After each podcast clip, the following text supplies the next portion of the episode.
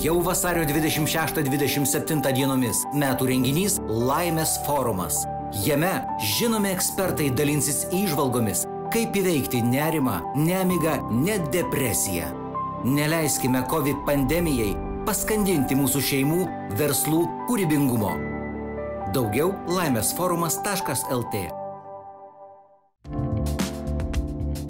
miškų temoje esu pasakęs keletą sentencijų, kurios, kuriuom nesididžiuoju. Bet jūs išsišadat tų žodžių dabar? Įtarinėjau, kad esu, esu įrašinėjamas. Bet ar jūs spaudėt ją? Labai lengvas atsakymas. Aš tikrai nespaudžiu. Skatinu ir raginu paviešinti visą tą pokalbį. Jie pirko urėdų vietas ir buvo urėdų vietomis prekiaujama. Puh, čia galima giliai nerti, aplinkosauga taps brangus dalykas. Šitas mokestis akivaizdu yra reitingų laidotojas. Jūs, jūs nebijot?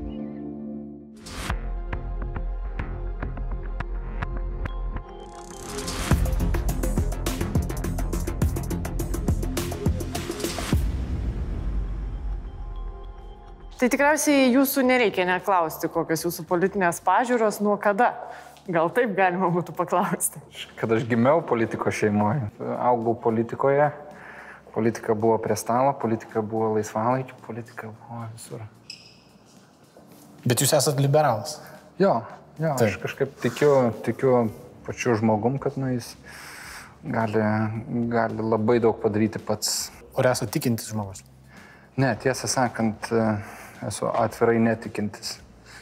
Net ir su bendraminčiais prieš gerus penkis metus dauguma teisininkų jų steigėme Lietuvos humanistų asociaciją, kuri, nu, kurios pagrindinė misija buvo skatinti iš tikrųjų mokslų grįstus sprendimus. O kaip jūs suprantat savo vaidmenį, savo rolę valstybėje? Na, e, viena kaip pilietis, kita vertus kaip e, politikas, nu, bet kaip politikas tai čia ta rolė jinai yra kasdieninė, ta prasme, tu čia gauni įtaką, pasitikėjimą ir tada sprendi už kitus, bet tai labai didelė atsakomybė yra iš tikrųjų reikia labai aiškiai suvokti, kiek tau galios yra suteikta ir nu, labai atsargiai su tą gale naudotis. Labai noriu tikėti, kad na, mano kaip politiko darbai prisidės prie to, kad žmonės patikės savimi, kad jie gali išsispręsti savo mažas ir didelės bėdas. Ministrė, prieš pradedant kalbėti apie konkrečias aplinkosaugos problemas ir, ir, ir kon konkrečius įvykius, e, norėčiau jūsų paklausti tokio bendresnio klausimo. Susidaro įspūdis, stebint iš šono mums žurnalistams, kad jūs tapote tarsi ta šachmatų figūra, aplink kurią tvenkėsi pirmoji įtampa. Dėl to, kad jūs valstiečiai kalba apie tai, kad ruošia jums interpeliaciją, turite kreipimas į prokuratūrą, patekote į vairias skandalingas situacijas. Ar šito tikėjotės nuo pirmų darbo akimirkų ir kaip jūs e, aiškintumėt, kodėl jūs tapote to, įtako, to įtampos centru? Na, turbūt jeigu šachmatais kalbant, tai turbūt aš tas pėstininkas, kuris pirmas dažniausiai pradedu partiją. Tai buvau pirmasis, kuris, vienas pirmųjų, kuris buvo įvardintas į ministrus kaip kandidatas, tai natūralu gal buvo opozicijai laiko pasiruošti. Antra vertus, e, aplinkosauga pati yra tapusi tokia nu, aktualija savaime. Niekad per 30 metų nebuvo diskutuojama apie aplinkosaugą taip intensyviai. Ir čia, aišku, ekologistikos gaisras, Grigėjo skandalingas atskleidimas na, pasitarnavo prie to, kad nu, iš tikrųjų tai yra aktualija ir reikia žiūrėti, kad e, nu, žmonės natūraliai jautrus tą temą ir bet koks linktelėjimas arba nuomonės turėjimas į vieną ar kitą pusę labai aktuolus tam. Patekote į didelį konfliktą su aplinkos apsaugos departamentu, kuris na, yra viena pagrindinių šitos ryties apskritai institucijų pavaldžių aplinkos ministerijai. E, kas nutiko? Na, aš patekau į konfliktą ne su direktorė, bet su Valsiečių žaliųjų partija, nes šitas žmogus, jinai, e, dabartinė direktorė, prieš tai penkias pozicijas užėmė jos karjerą, buvo penki politiniai sprendimai, jinai buvo dviejų Seimo narių padėjėja politinio pasitikėjimo, po to ministro patarėja, po to ministerijos kanclerė, kaip kancleriai galėjo tapti politinio pasitikėjimo asmenys, o ne konkurso būdu atėję. Po to išėjus ministrui iš tos ministerijos, jinai buvo perkelta į kitą ministeriją, specialiai tam sukūrus skyrių, vėlgi kito valstiečio sprendimu. Po to to paties valstiečio ministro sprendimu buvo laikinaja departamentų direktorė, na ir po to laimėjo konkursą. Tai konfliktas nėra su, su konkrečiu asmeniu, tai yra politi, politiškai angažuotas konfliktas. Tarsi konfliktas, bandote pasakyti, kad konfliktas yra su valstiečių partija, bet taip vienintelis konkretus asmuo e, kreipėsi į, genera, į generalinę prokuratūrą ir, ir kaip prokuratūra, kaip aš suprantu, poniai Vebrieniai suteikė e, pranešėjo statusą. Tai reiškia, kad bent jau jos pateikta informacija, bent iš dalies, bent jau tikrintina, ar ne, ką jinai galėjo pateikti. Na, visų pirma, tai labai skambiai pasakyta. Buvo apie tą pranešėjo statusą ir, žinot, praėjo menuo, nei prokuratura, nei STT, nei manęs kviečia, nei oficialių faktų pasako, o aš kaip nu, ministerijos vadovas turėjau su savo darbuotoje tris pasitarimus, du iš jų buvo kolektyviniai, trečias asmeninis. Trečiajam pasitarime, kadangi nelabai susiklostė santykiai, mačiau jau, kad prielaidos nu, yra ne visiškai, taip sakant, dalykiškos. Tai aš labai buvau atsargus ir, ir kalbėjau atsargiai, nes įtarinėjau, kad esu, esu įrašinėjamas ir aš labai skatinu ir raginu paviešinti visą tą pokalbį, kas galėjo būti įrašyta ir visa visuomenė suprastų. Bet ką jūs sakėt, jai, o konkrečiai Olgai Vebrieniai to pokalbio metu? Yra ministerijoje dvi institucijos, kurios tarpusavyje turi teisminį ginčą. Tai aplinkos apsaugos de departamentas ir aplinkos apsaugos agentūra dėl vieno iš teršėjų. Tai viena institucija sako, teršėją reikia uždaryti, kita sako, tam nėra įstatyminio pagrindo. Na ir aš tas dvi institucijas, kaip ir dažnai būna nu, kolektyvė ar tarp pavaldžios institucijos, kurios besivyksta, sukviečiau ir pasakiau, nu klausykit, mes nesam tokie turtingi šitoj valstybėje, kad viens kitai teismus e, padavinėtumėm nu, toj pačioj ministerijoje. Tai kažkokia teisybė turi būti. Aš neužimu pozicijų. Na, ir tai buvo patraktuota kaip spaudimas ir buvo kalbama nu, labai skambiai ministras galimai korumpuotas, ministras e, dangsto teršėjus ir taip toliau. Jeigu, jeigu konkrečiai citata tai. yra Olgos Viebrienės e, parašyta Facebook'e, antrą savo ministravimo dieną ministras įsikvietė ant kilimėlio ir turėjome pasiaiškinti, kaip išdrysom kreiptis į prokuratūrą dėl viešo intereso gynimo, kaip drįsom išnešti šiukšlės į išorę. Ar jūs sakėt tokius žodžius? Ne, tikrai nesakiau. Matau direktorės e, pasisakymuose Facebook'e labai Tai nu, visi statutiniai pareigūnai, visos kontroliuojančios institucijos pasižiūrėję tokią leksiką, supranta, kad tai yra politinė leksika. Kad politinė leksika, kurį įmamasi, na, aš esu politikas, aš suprantu, bet kai kontroliuojančios institucijos vadovas įmasi labai stipriai vertinti ministro darbus ir veiksmus e, nuo pat pirmos dienos, tai daro visiškai viešai, eina į prokuratūras ir kalba spaudos konferencijose, kad laužomos rankos ir galimai korumpuotas ministras. Na, sutikite truputį, aš, aš turbūt negalėjau prisišnekėti per pirmą mėnesį ir tris susitikimus tiek, kad, kad nu, tai būtų apie mane šnekama. Tai aš, na, man atrodo, yra prielaidos kitos, kad na, ieškoma provokacijos, provokacijos daromos, jos yra suplanuojamos, e, apie pranešėjo statusą irgi pranešama tik tai dvi savaitės po jo gavimo. E, tai yra planingos viešųjų ryšių akcijos, lydimos valstiečių frakcijos pasikvietimo departamento direktorės į savo frakciją, po to interpeliacijos paskelbimas man, nu, tai yra planingas politinis veiksmas, kuris nu, yra natūralus. Toks e, pastebėjimas, kad e, netaip seniai e, valstiečiai sakydavo, kad kažkokios istorijos yra konservatorių arba liberalų samokslas, tai dabar kažkaip greitai viskas apsivertė, kaip aš girdžiu. Nu. Bet dar grįžtant truputėlį prie Olgos Vebrienės istorijos, tai na, Valstybės pareigūnė, nesvarbu ar jinai susijus su valstiečiais ar ne, bet tai yra valstybės pareigūnė, kuri viešai sako, kad kreipėsi į prokuratūrą dėl netgi citata galimai neteisėto teisės aktus pažeidžiančio ministro elgesio. Ir jis sako, cituoju, kad aplinkos ministras nuo pat pirmo susitikimo kartoja, kad esu per griežta ir savotiškai traktuoju įstatymus, todėl yra rizika, jog daug verslų bus uždaryta ir netgi tiesiogiai ir netiesiogiai jį yra pasakius, kad sulaukia jūsų spaudimo dėl verslo interesų. Ar jūs spaudėt ją? Nu, aš vėl grįžtu prie to, kad tai yra labai labai skambus pranešimai, vos vos susidūrus ir... Bet ar jūs spaudėt ją? Labai lengvas atsakymas. Aš tikrai Taip, nespaudžiau, žiūrint į kur čia tą kamerą, bet į tenai, žiūrint žiūrovų į akis, tikrai aš nespaudžiau žmogaus ir, Ar jūs kalbėjote apie verslo interesus su ją? Aš nekalbėjau apie verslo interesus, aš kalbėjau apie tai, kad dvi įstaigos viena su kita konfliktuoja teismuose. Ir sakau, klausykit, nu, gal susodinam teisininkus ir pasiaiškiname, gal yra aiškus teisės akto traktavimas, kaip mes turime elgtis. Žiūrint iš žurnalistinės perspektyvos, bent jau mūsų patirtis dažniausiai rodo, aš nesakau, kad taip yra šiuo konkrečiu atveju, bet uh, kad nėra, žinot, dūmų be ugnies, kad vis tiek kažkoks pokalbis apie verslą turbūt turėjo būti, jeigu jinai taip teigia. Ta prasme, galbūt jūs esate, tarkim, teisus ir jinai kažkaip kitaip interpretuoja, galbūt ji teisi, bet kažkas turėjo būti kažkoks pagrindas. Jeigu, juo labiau, kad jūs sakot, kad ji tarsi jautėtės įrašinėjimas, ar ne, politikui pasitaiko tokių dalykų. Buvo tik tai dvi įmonės, apie kurias mes kalbėjome su departamentų direktorė, tai Orlen Lietuva ir atliekų rušiavimo centras. E, konkrečiai apie atliekų rušiavimo centrą mes ir kalbėjom, kad yra viešas juridinis konfliktas tarp dviejų pavaldžių įstaigų.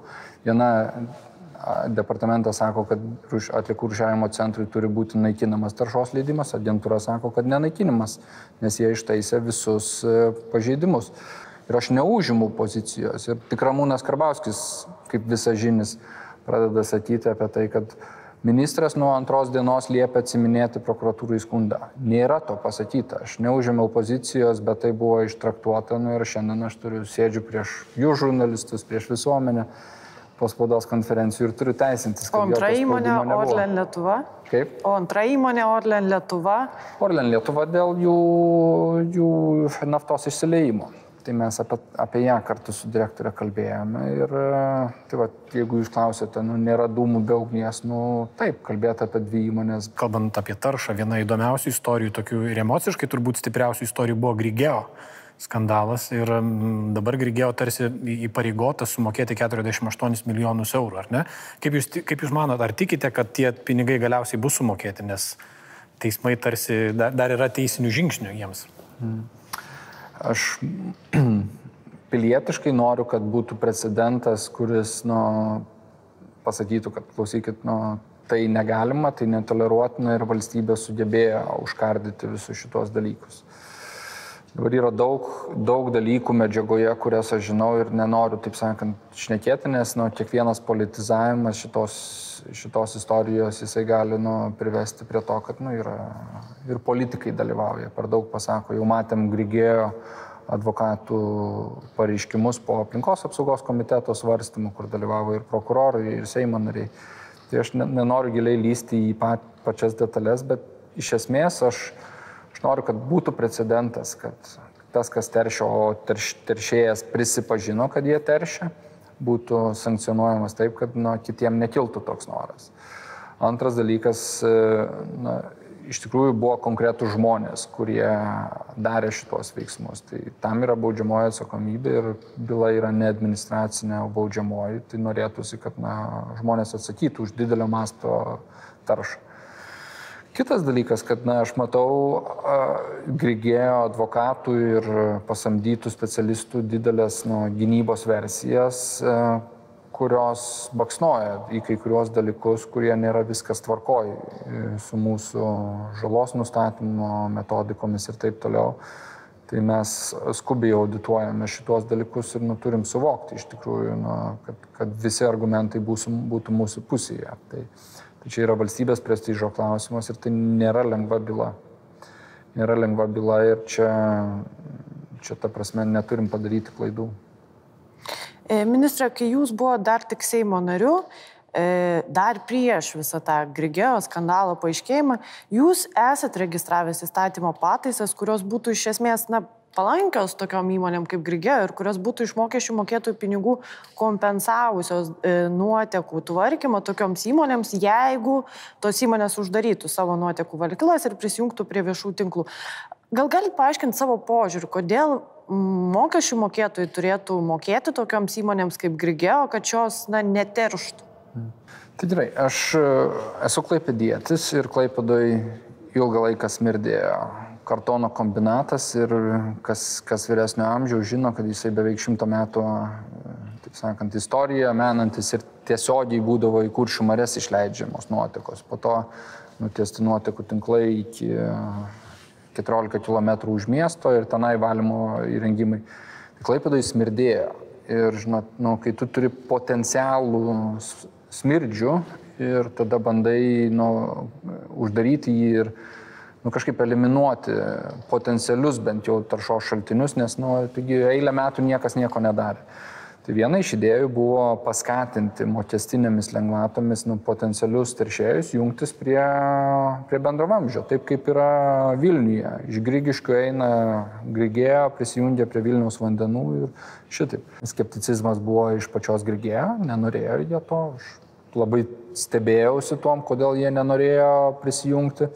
Na dabar lygiai ir aišku, kad na, turbūt, turbūt būtų pasimatę tikrieji užterštumo srautai ir tikrosios, na, tikrieji kaštai, kiek tai kainuoja apdoroti. O kalbant apie būtent visus šitos teršėjus, taršą, mes kalbėjome apie Grigeo pakankamai išsamei, užsiminėt apie ekologistikos e, gaisrą, neryje, plastiko atlikos ar ne. Kaip jūs, kaip ministras, koks jūsų planas, kaip jūs galėtumėte tai sukontroliuoti ir sumažinti tokių incidentų ir tokios taršos kiekį? Jeigu taip žiūrėti, kur prasideda klaidos, tai prasideda klaidos, nu, kai įmonė pradeda planuoti didesnį produkcijos kiekį arba nu, iš esmės investuoti į žalio lauko investiciją, jie vienokiu ar kitu, kitokiu būdu sukelia neigiamą poveikį aplinkai. Nu, tai gali būti keulininkystės ūkis e, su metano azoto garais, kas yra nu, keulių mėšlos marvė iš esmės. Taip E, iki sudėtingų procesų, kurie išleidžia, žinot, naftos ar dujų e, trašų gamyklos išleidžia jau nu, kitokius organinius junginius arba cheminius junginius.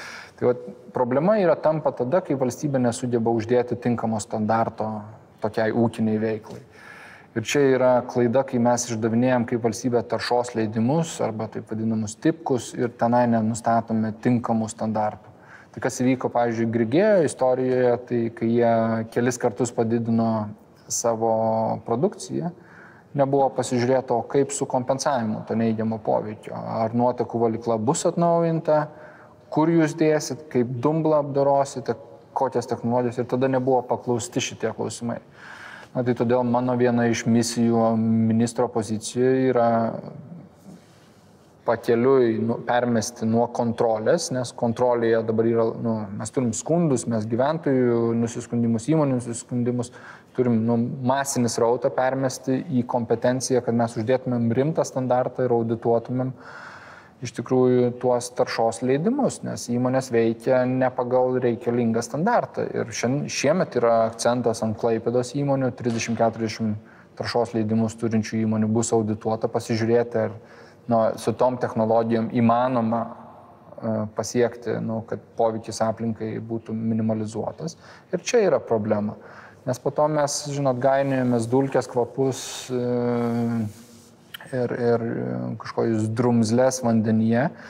Ir, ir akcentas tik tai ant kontrolės, bet realiai neuždedama standarto pačioj pradžioj. Popieriaus lapą pagaminti reikia 20 litrų nuotekų tiek popieriaus gamyboje pasigamina nuotekų ir kai tu sakai, aš trigubinu savo produkciją, bet nerodai, kad e, kažką investuoja į nuotekų tinklus, nu, tai turėtų būti šauk, raudoni šauktukai valstybėje. Tai jeigu valstybė va, tuo metu nepareikalauja daryti trigubai didesnių investicijų į nuotekų valymo įrengimus, tai tada kontrolė yra įrodymų klausimas. Tai va, ilgas procesas. Mes turime audituoti įmonių taršos leidimus, sakyti, jie nepakankami, jie nepagristi, prašom investuoti ir na, tai kainuos įmonėmis. Ir tai, tai yra aplinkosauga taps brangus dalykas, e, bet tą turim susitvarkyti. Perinant nuo, nuo verslo kategorijos prie, prie, prie mūsų visų piliečių ir apie mūsų aplinkosaugą, turbūt vienas svarbiausių, turbūt aktualių yra e, automobilių taršos mokestis. Ir jūs esate kritikavę sistemą, kai automobiliai apmokestinami tik juos registruojant. Ko, kaip jūs matytumėt e, automobilių taršos mokestį, koks jisai būtų teisingas? Kokia sistema būtų teisinga? Na, šiaip taršos mokesčių yra daug, bet kuo ypatingas šitas mokestis, nes jį moka rinkėjas. Taip, ir beveik jo. turbūt dauguma žmonių.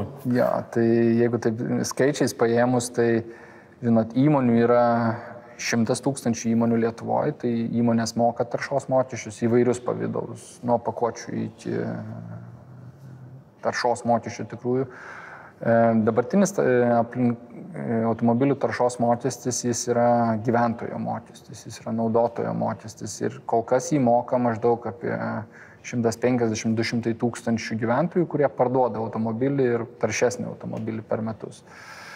Tai jis neatspindi taršos. Jisai, tu gali automobiliu naudotis nu, eilę metų ir nemokėti už jo taršą. Tai jisai turi, nu, jeigu tikslas yra pakeisti e, gyventojo motivaciją ir persėsti į, į, į mažiau taršą automobilį, tai mes matome, kad šiandieninis automobilio taršos mokestis pajaunino automobilius vos 20 dienų. Ta prasme, automobiliai. Čia tokia statistika. Jo. Ir automobiliai netapo jaunesni ir mažiau taršus. E, tai jisai retai kada įtakoja patį tą ekologinę mąstyseną, kad nevartoti šito.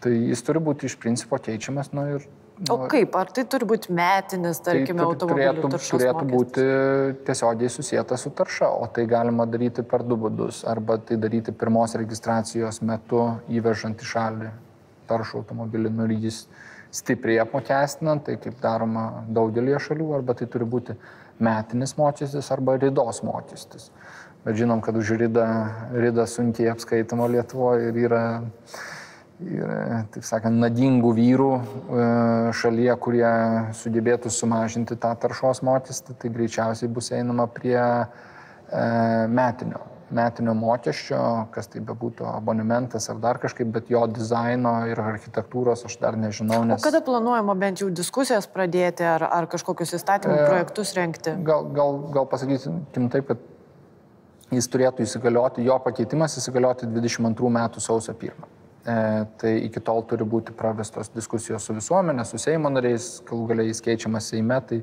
kam Seimas pritars, nu, irgi svarbu įtikinti, ta prasme, tai tas dizainas jo turės būti toks. Ir, ir ko šitam mokesčio pavydalė aš pasilgstu, tai yra į kur mes nukreipsime tą mokestį. Tai čia reikia kalbėti. Mes... Turite omeny, kam bus skirti pinigai? Būtent. Nes dabar jie, valstiečiai, buvo sugalvoję apie tai, kad, nu, želdinsim, kursim miškus, bet ne vienas euras nenuėjo į miškų želdinimą. E, man atrodo, kad turėtų mokestis bus skirtas visų pirma viešajam, kolektyviniam transportui, kad jis turi būti ir prieinamas, ir vakare, ir ryte, ir būti priemeščiuose, kur didžiausias mobilumo poreikis. Nu, tėvai dirba tiesiog taksistai savo vaikų ir, nu, viešasis transportas neišvystytas į tas atokesnės zonas, provinciją. Tai tas mokestis turėtų nueiti visų pirma viešajam transportui finansuoti, kad tai būtų kolektyvinė alternatyva, kad jam būtų drąsu įsėsti, kad jinai būtų pasiekiama. Na ir turėtų būti skiriama na, ir mažiau taršiems automobiliams įsigyti kaip subsidija. Čia nėra lengva tema ir, ir čia politiškai yra sudėtinga, nes... Nu... Kaip tik mes ir buvom tokį klausimą pasirašę, kad nu, daugybę metų diskutuojama apie normalų automobilių taršos mokestį, bet jo kaip nėra, taip nėra. Dėl paprastos priežasties politikai bijo. Aš priminsiu istoriją iš, iš netgi, netgi mūsų knygoje kabinetas 339 Kestutis Navickas pasako istoriją apie tai, kaip jau tarsi tarsi viskas buvo sudėrėta, apgalvota, specialistai paruošė, išdiskutuota ir premjeras ir premjero komanda prieš pat rinkimus pasakė, ne, šito mokesčio būti negali. Ir savai mes suprantama. Dėl to, kad šitas mokestis akivaizdu yra reitingų laidotojas. laidotojas. Jūs, jūs nebijot? nebijot? Nu, žinau, ypač kaip liberalas, tai dvigubai turėčiau bijot. Aš jį vadinu ne, ne mokesčiu ir jeigu jis teisingai dizainas sukurtas, tai jis yra įkainojimas taršos tarša šiandien yra neįkainota ir e, bet koks, o čia yra pinigų paėmimas iš žmogaus piniginės ir kišenės, čia ne iš įmonės piniginės, čia yra iš žmogaus, nu, jis turi žiauriai būti pagrystas. Tai mes sugebėsime kaip vyriausybė šitą mokestį pateikti ir būti su juo sėkmingi tik tuomet, kai pasakysim, tau yra kuriama alternatyva. Prie tavęs atvažiuos daugiau autobusų, jie atvažiuos ir, ir ryte anksti, ir vakare, kai tu važiuosi į darbą. Tavo vaikai gaus pavėžėjimo paslaugą iki mokyklos. Nu, jeigu mes sugebėsime va, taip iškomunikuoti, tada mes sugebėsime. Bet visuomenė, žinau, kad nu, jinai, ne, ne veltui ir pas jumis e, atsidūrė šitas klausimas. Dar vienas toksai irgi mokestis, apie kurį visą laiką buvo diskutuojamas, skirtas piliečiams, turbūt aktualesnis galbūt Vilniui, Kaunui, Klaipėdai, kurie turi senamestį, tai yra tas vadinamasis krosnių mokestis kuris reiškia, kad jeigu tu turi galimybę jungtis prie, prie centrinio šildymo, bet to, tu to nedarai ir kurieni krosnį, tu turi mokėti tam tikrą mokestį. Tas apie tą mokestį irgi kalbama ilgokai, bet jisai kaip ir e, toksai yra irgi politikų reitingų žudikas. Ma malkų mokestis. Čia. Taip, malkų mokestis. Kokie, kokie, yra, kokia jūsų pozicija? Na, nu, žinai, kai tą Čarlzo Dickenso romanus paskaitai apie Manchesterį, supranti, kaip miestai atrodydavo anksčiau. Tai mes e, kažkuria prasme esam labai laimingi, kad likimas mums lėmė centralizuotą šildymą. Ir jisai iš tikrųjų nu, yra, yra geras dalykas, kur gali greitai tikslingai išspręsti taršos problemas, bet vis tiek yra dar išimčių, kaip ten, kur yra centralizuotas šildymas, o jis yra, nu, iš esmės, pigiausia alternatyva, jeigu tu teisingai įsirengi. Uh, kad tenai yra vis dar išimčių ir kūrenamas na, taršus kuras. Viena vertus taršus atmosferai tai yra dujos, nes dujos nu, kūrė CO2 ir jisai nėra žmogaus aplinkai taršus, bet yra atmosferai taršus. Kita vertus kietusios dalelės tai per, per durpes, per anglis ir taip toliau. Ir va čia iš tikrųjų reikia reguliavimo, kad, nes ypatingai dabar šalčių metu upių slėnise, žinot, gali susitelkti tikrai toksiška aplinka o modernesniai nauja kuriai turi rekuperacinės ventiliavimo sistemas, tai jie yra dvigubai baudžiami, jie įsirengia kažką inovatyvaus, bet jie įtraukia kaimyno deginamą kaliošą. Mano, arba... mano padėtis tokia yra. Ja, Dėl tai... to, kad rekupera... mūsų rekuperacinė namuose, kiekvieną kartą, kai prasideda senamesti kūrenimas, tu kiekvieną dieną kvepuoji namuose tartum būtum langus atsidaręs ir kaminai pūstų pro tavo langus. Taip, taip tai ir, ir čia yra nu, tokia dvigubo vasmė, tu kažką padarai, kad, žinai, būtume išvaresnis visuomeniai, ventiliuotumės, o tavo kaimynas, žinai, durpės arba kaliošai arba impregnuota mediena, tai natūralu, kad valstybė turi atsistoti tą pusę ir nu, reglamentuoti. Didelė problema ir su saugomom teritorijom, ir ne tik su saugomom teritorijom yra tos vadinamos, ne, teisėtos, neteisėtos statybos, kai statybos e, vyksta tarsi ir teisėtai su valdininkų išduotais statybos leidimais, bet tie statybos leidimai galiausiai teismuose pripažįstami, kad jie yra neteisėti, jie negalėjo būti išduoti ir taip toliau. Ir mes turėjom ir Vinėlės dvarą, ir Kuršių nerėje, turėjom Verkių pavilnių parkus Vilniuje su tokia pat situacija ir ta situacija vis kartojas, kartojas, kartojas. Kokių veiksmų imsitės, kad valdininkai liautųsi išdavinėti neteisėtus statybos leidimus? Nes, aišku, dalis tų leidimų yra iš savivaldybių, bet dalis yra ir iš e, aplinkosauginių institucijų. Puh, čia galima giliai nerti, bet nebus įdomu klausyti. Nerkim giliai. Ja, tai visų pirma, skaitmenizavimas žiauriai padeda, nes jeigu tu turi dokumentai kažkur kaž, pas kažką stalčiuje, o seniau tai būdavo, tai specialieji planai, tvarkymo planai, kažkokie dar kažkas, apsaugos reglamentai, ne visi dokumentai, e, ne visi suvesti į vieną, taip sakant, 2D arba 3D ir kažką arba tu sąmoningai pamiršti, arba iš blogos valios ir nepasižiūri, kad kažkur kažkas buvo uždrausta arba ribojama ar ten gal buvo miško paskirties žemė, arba šiaip tenai apsaugos zona. Ir nu, net mūsų prezidentė Dalia Grybauskaitė kažkada nusipirko e, savo sklypą, o ten pasirodo yra e, būsimo karjero apsaugos zona. Nu, prezidentė tai tikrai viena didžiausia valstybės tarnautojų kompetencijų turinčių asmenų šitoje valstybėje ir nepaisant to nusipirko sklypą ir nu, gerai, kad jai gražino pinigus, bet kitiems tai negražina ir kiti bando tada pa, tą nusavybę šiaip ar taip išnaudoti. Tai va čia yra skaitmenizavimas šito, šito įda, antras yra kompetencijų atskirimas, nes pas mumis ypač saugomose teritorijose, tai žinot, e, tų saugančių institucijų yra labai daug. Tai yra valstybinio saugumo teritorijų tarnyba, tai yra gamtosaugininkai, po to yra kultūros paveldo, tai nu, iš esmės paveldosaugininkai, žiūrėti dar urbanistai, miesto architektai, dar trečias sluoksnis. Ir jie plakasi, kiekvieną savo planą deda ir tie planai viens kitam prieštarauja ir galiausiai nu, sprendimą noris priimti, o valstybės tarnautojai, nu, jie vis tiek vis tiek nori, kad šitoj valstybėje vyktų kažkas. Ir man atrodo, na, iš esmės tai, kas buvo prieš 15 metų, kuršinerijoje, na šiandien jau užkardyta, tokių dalykų nebus daugiau, bet aišku, dar trys pastatai turės nugriūti be šito, kuris. Ar tikrai nebus? Ar nesužinosim po kažkiek laiko, kad vėl no, kažkoks valdininkas išdavė neteisėtą no, statybos leidimą? Nes jūs sakot, kad tai ne, nebūtinai susijęs su korupciniais dalykais, bet tyrimai dažniausiai tiek Transparency International rodo, kad čia yra didelė korupcijos rizikos galimybė, kai valstybės tarnautojai, na, jie tarsi neatsako už savo leidimus. Ir kit, kitas klausimas, ko aš norėjau klausti, na, galiausiai už tas nelegalias statybas juk sumoka mokesčių mokėtojai. Už vieną restoraną nugriautą juotkrantį mes jau sumokėjom visi daugiau nei milijoną eurų. Dabar naujas pastatas graunamas, tai ko gero vėl visi susimesim ir sumokėsim, nes, nagi, leidimus išdavė pareigūnai valstybės.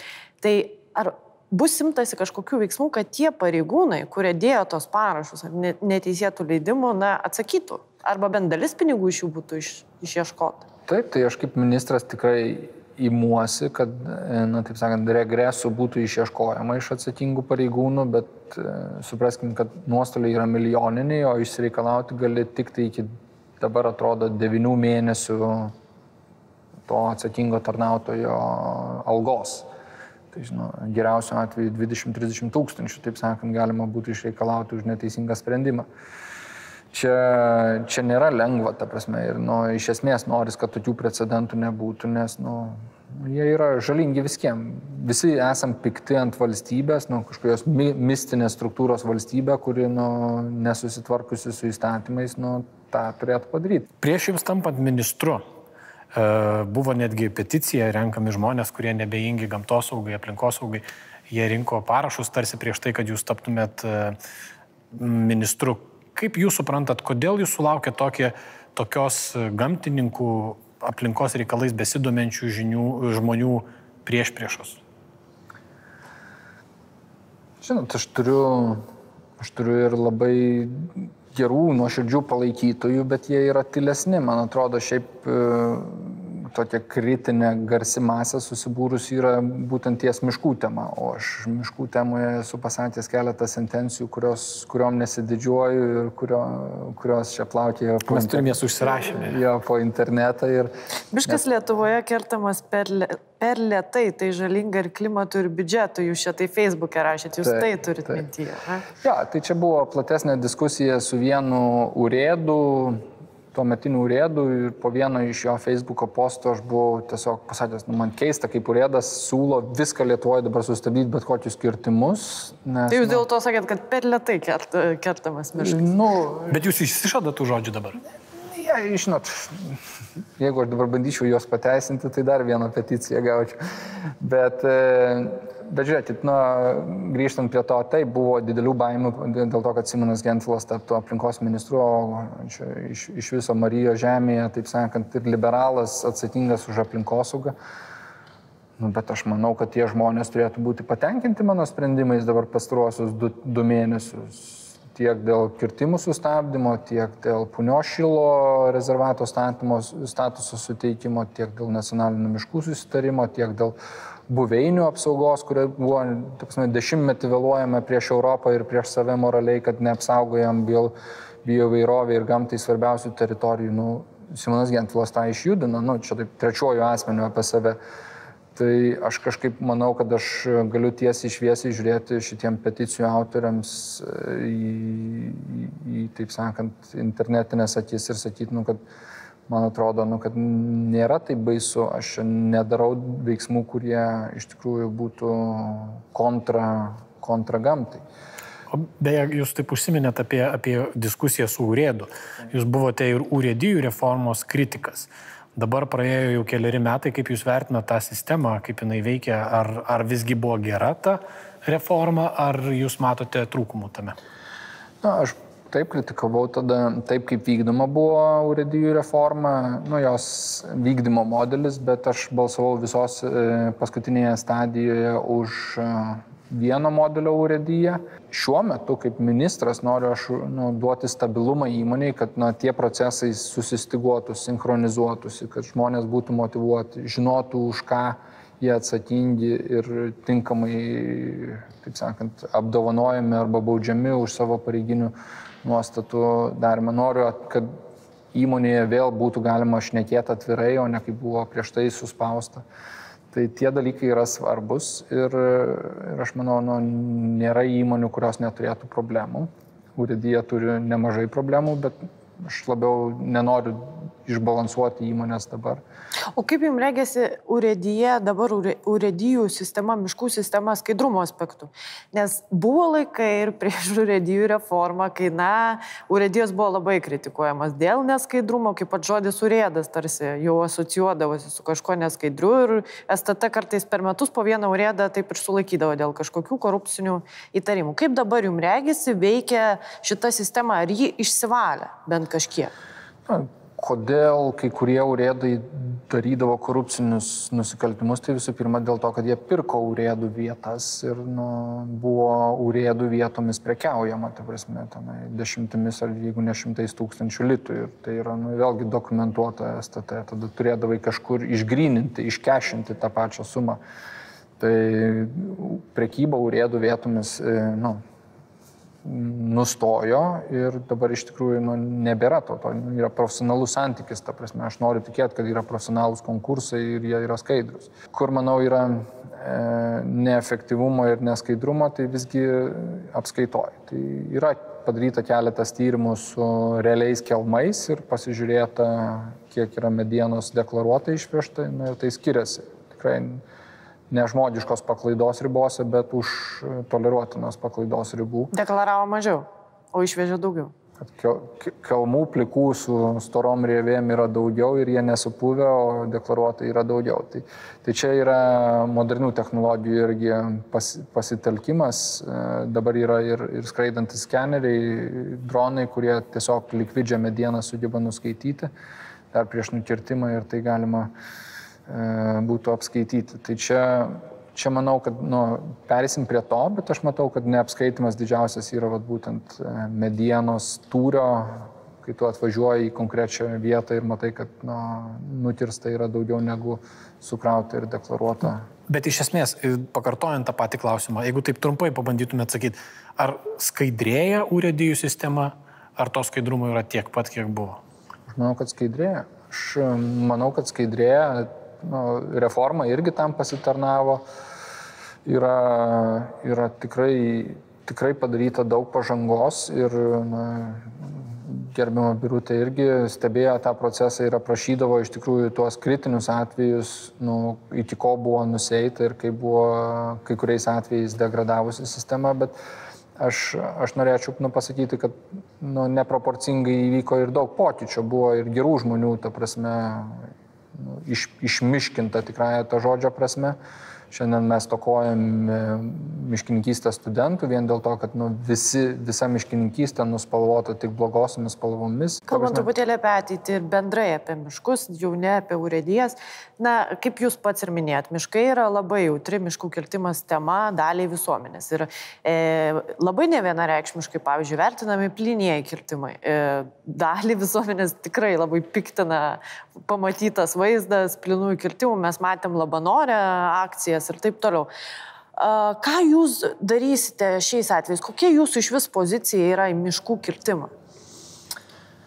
Šiandien visuomenė yra įsitikinusi, kad Lietuvoje miškai yra naikinami.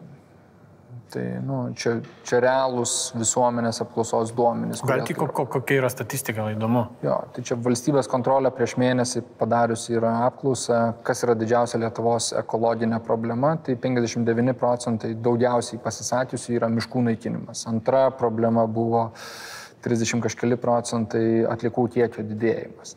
Tai visuomenė siunčia politikam žinę, kad miškai yra naikinami. Tai, tai nėra visiškai tiesa, nes miškingumas, miško paskirties žemės plotas didėja, nuosekliai didėja, jis yra dvigubai didesnis negu tarpukario Lietuvoje. Medienos sukaupta Lietuvos miškuose trigubai daugiau, tai jeigu būčiau prieš 90 metų gyvenęs, tai būtų bent dvigubai mažiau ploto apaugusio mišku ir miško tūris būtų trigubai mažesnis. Tai kodėl dabar visuomenė mato tuos plynus kirtimus, nes jie palėtė saugomas teritorijas, ten, kur mes lankomės, ten, kur yra mums brangu, ten, kur mes turime identitetą, aplink miestus, apsauginiai miškai. Ir šitas konfliktas nėra sprendžiamas. Ir nu, va, čia vienas iš mano šių metų tikslų yra, du yra tikslai. Iš esmės, nacionalinis miškų susitarimas, kad dėl susitartumėm, ką reikia saugoti, kur saugoti ir kur mes galim intensyvinti nu, arba atiduoti bioekonomikai, taip sakant, nedidinant kirtimo normos visuotinės. Ir antrasis tikslas yra iš esmės apsaugoti tai, ką mes Europai pažadėjo prieš dešimt metų, tai miško buveinės. Nes jos nėra apsaugotos, Europa jau yra pradėjusi Europos teisės pažydimo procedūrą dėl to, kad Lietuva nesaugo tai, kas yra gamtai vertingiausia. Mes turim tokią tradiciją, mes prašom e, kiekvieno pašnekovo užrašyti pagrindinę mintį, kurią jūs matote, užrašyti lapė.